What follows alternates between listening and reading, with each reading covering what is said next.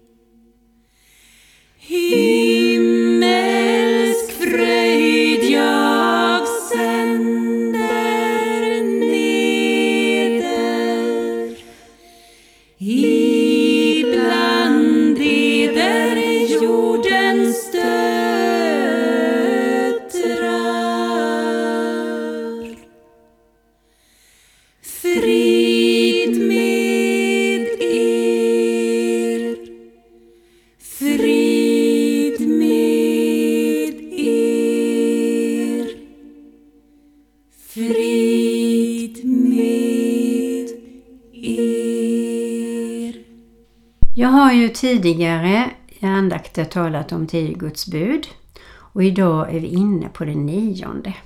Jag kommer att läsa upp de tio Guds buden som en repetition både för mig och för, och för dig kanske. Det första budet. Du ska inga andra gudar hava jämte mig. Vi ska inrikta våra liv på Gud, för han är alltings ursprung och mål. 2. Du ska inte missbruka Herren din Guds namn, ty Herren ska inte låta dig bli ostraffad som missbrukar hans namn. Vi ska bara använda Guds namn i det godas tjänst. 3. Tänk på vilodagen så att du helgar den. Vi ska ge oss tid regelbundet och vila och bygga upp oss, läsa Bibeln, vara med våra nära och kära. Gud vilade på den sjunde dagen. Så han är ett bra föredöme. 4. Hedra din fader och din moder för att det må gå dig väl och du må länge leva i ditt land. Vi ska visa våra föräldrar respekt. Även om de inte lever längre så ska vi komma ihåg vad de lärde oss för goda saker. Så den kärlek som vi har fått från våra föräldrar ska vi ge vidare till våra barn. Och har vi Jesus i vårt hjärta så har vi dubbelt, dubbelt, dubbelt upp med kärlek till våra barn. 5. Du ska inte dräpa. Utan vi ska visa vördnad till livet i alla former. Från människor till natur. Du ska inte begå äktenskapsbrott. Vi ska vara trogna, kärleksfulla mot vår partner. 7. Du ska inte stjäla. Vi ska respektera andras egendom och rättigheter. 8. Vi ska inte bära falsk vittnesbörd mot vår nästa, utan vi ska vara pålitliga i tanke, ord och handling. 9. Den ska vi ta upp idag. Du ska inte ha begärelse till din nästas hus. Vi ska dela våra medmänniskors glädje över att de har fått det bra. En bra bostad, goda anställda, fina barn och gratulera dem och glädjas med dem. Och kanske ha dem lite som föredöm. Tionde budet. Du ska inte ha begärelse till din nästas hustru, inte heller hans tjänare eller till något annat som tillhör din nästa. Utan vi ska tillåta oss att vara glada att det gått bra för medmänniskorna, grannarna, släktingarna här i livet.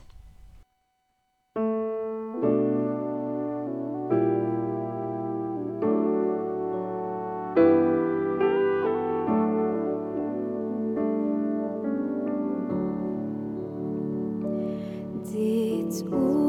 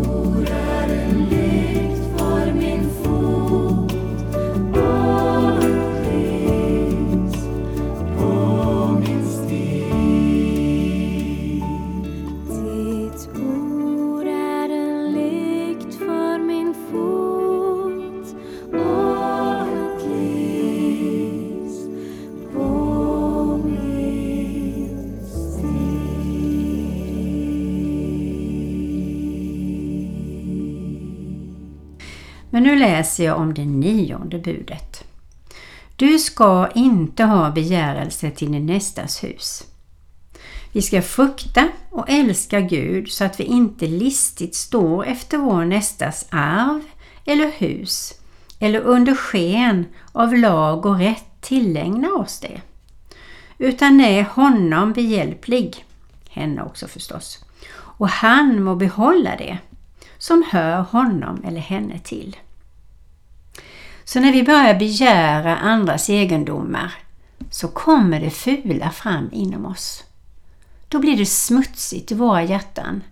Istället för att glädja oss och säga vad fint du har det, vad vackert du har det, vilken fin trädgård och hur gör du bara? Man kan ju faktiskt också lära av människor som har gjort att de sköter om sitt hus, sitt, sitt hem, sköter om sina barn, fostrar dem väl och man kan glädjas åt dem. Och det är viktigt. Vi ska frukta och älska Gud så att vi inte drar, lockar eller tubbar ifrån vår nästa, hans hustru eller man eller tjänstefolk, anställda tänker jag då. Vår nästa ska skyddas ifrån våra begärelser. Och börjar vi begära, vara avundsjuka och visa det på olika sätt och det kan ju också utmynna i förtal. Det kan också utmynna i att man börjar sätta upp en mur för man är så avundsjuk så man tål inte bara se den här människan. Och så börjar det onda spira i oss. Men det vill inte Herren. Han vill att vi ska glädja oss och kanske lära av andra människor hur de har lyckats och gratulera dem istället. Vi behöver bli beskyddade av Herren, vad som finns i oss och vad som kan poppa upp i oss. Och det står i Bibeln, i Matteus 5 och 19. Från hjärtat kommer onda tankar, mord, äktenskapsbrott, otukt, stöld, mened och förtal. Och det gäller att stämma av lite med sig själv och då får man be om förlåtelse och visa sin ånger. Sen går vi till Gud och ber om förlåtelse och tar emot den, får hjälp att förlåta oss själva. Och Jesus säger Gå på synda inte mer. Det här med försoning, det kommer sig inte av sig självt. Utan då måste den ena ha bett om förlåtelse och den andra förlåtit. Och tvärtom. Och försoningen, det är det finaste som finns för då är det totalt rent. Man kan ge en kram som bevisar att nu är det bra mellan oss eller skicka en blomma eller ett kort eller någonting som visar på att nu, nu är det rent och fint. Och det vackra är, plusset är att man mår så bra av detta och att relationen oftast stärks utifrån detta.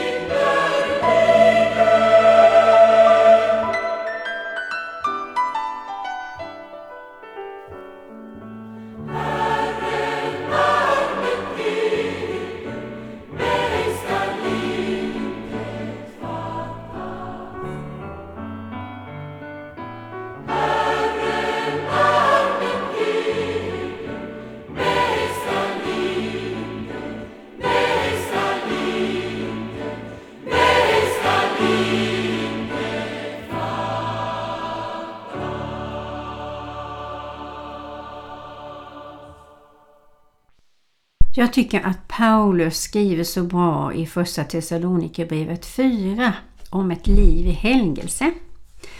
För övrigt bröder har ni lärt er av oss hur ni ska leva för att behaga Gud. Och det är ju så ni lever. Ja, får vi hoppas. Om vi gör rent i våra hjärtan dagligen så gör vi det. Nu ber vi er och uppmanar er i Herren Jesus att göra det ännu mer. Ni vet vilka föreskrifter vi har gett er från Herren. Detta är Guds vilja, att ni helgas, att ni avhåller er från sexuell omoral, att ni var och en vet att vinna er en hustru på ett helgat och hedervärt sätt. Man ska kunna behärska sin kropp och vänta tills man är gift. Så tror jag man kan tolka det. Det får inte ske i lidelse och begär som bland hedningarna som inte känner Gud, så att någon går för långt i denna sak och kränker sin broder eller syster. Herren straffar allt sådant. Det har ni redan sagt och betygat för er. Gud har inte kallat oss till orenhet utan till ett liv i helgelse. Den som avvisar detta avvisar alltså inte människa utan Gud som ger er sin heliga Ande. När det gäller syskonkärleken behöver vi inte skriva till er. Ni har ju själva lärt er av Gud att älska varandra. Och den kärleken visar ni alla bröderna i hela Makedonien. Och det hoppas jag att syskonkärleken i våra församlingar när vi möter kristna, eh, våra vanliga syskon, att den syskonkärleken ska vara ren och helig och glädjefull. Paulus skriver Men vi uppmanar er bröder att göra det ännu mer. Sätt en ära i att leva lugnt och sköta ert och arbeta med era händer så som vi befallt er, så att ni väcker respekt hos de utomstående och inte behöver sakna något. Barn i ditt ord och hjälpa dem att kunna hitta olika sätt att stå emot frestaren. För den sexuella driften är starkare, det har du verkligen visat på olika sätt. Men Gud ger ungdomar och människor självbehärskning så att man återtar äktenskapslöftena, rena heliga löftena och där man börjar från början tillsammans på alla områden. I Jesu Kristi namn. Amen.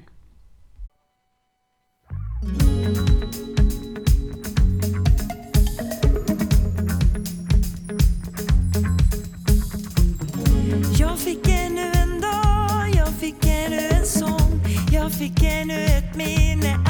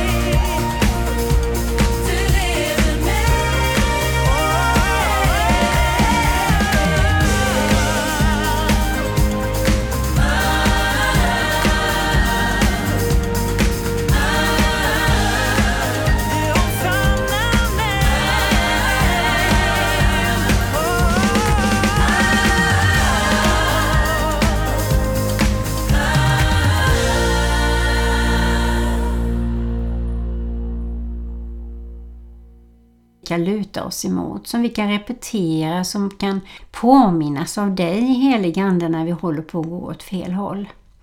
Vi är så tacksamma Gud för de här reglerna som hjälper oss, för dessa bud som är så starka och tydliga och hjälper oss att kunna dem utan tillbe verkligen. Och att vi kan berätta i situationer för andra människor om dessa bud. Och att vi får en mycket större glädje i att leva efter dem, Herre. Vi lägger den här dagen, den här morgonen, den här den första dagen i vårt nya liv när vi inte missunnar någon, inte är avundsjuk på någon mer. Vi tackar dig för att du kan gripa in i oss, du kan tvätta våra hjärtan rena, att du alltid har hopp och tro på oss och att du aldrig ger upp på oss, Herre. Låt din vilja ske i Faderns, Sonens och den heliga Andes namn. I oss, med oss och i våra liv. I Jesu Kristi namn. Amen. Låt så ske, betyder amen. Jag som har haft den här andakten heter Marie-Louise Jensen och du har lyssnat på Kristen närradio i Växjö. När gräset torkar, vissnar och dör Ditt ord består,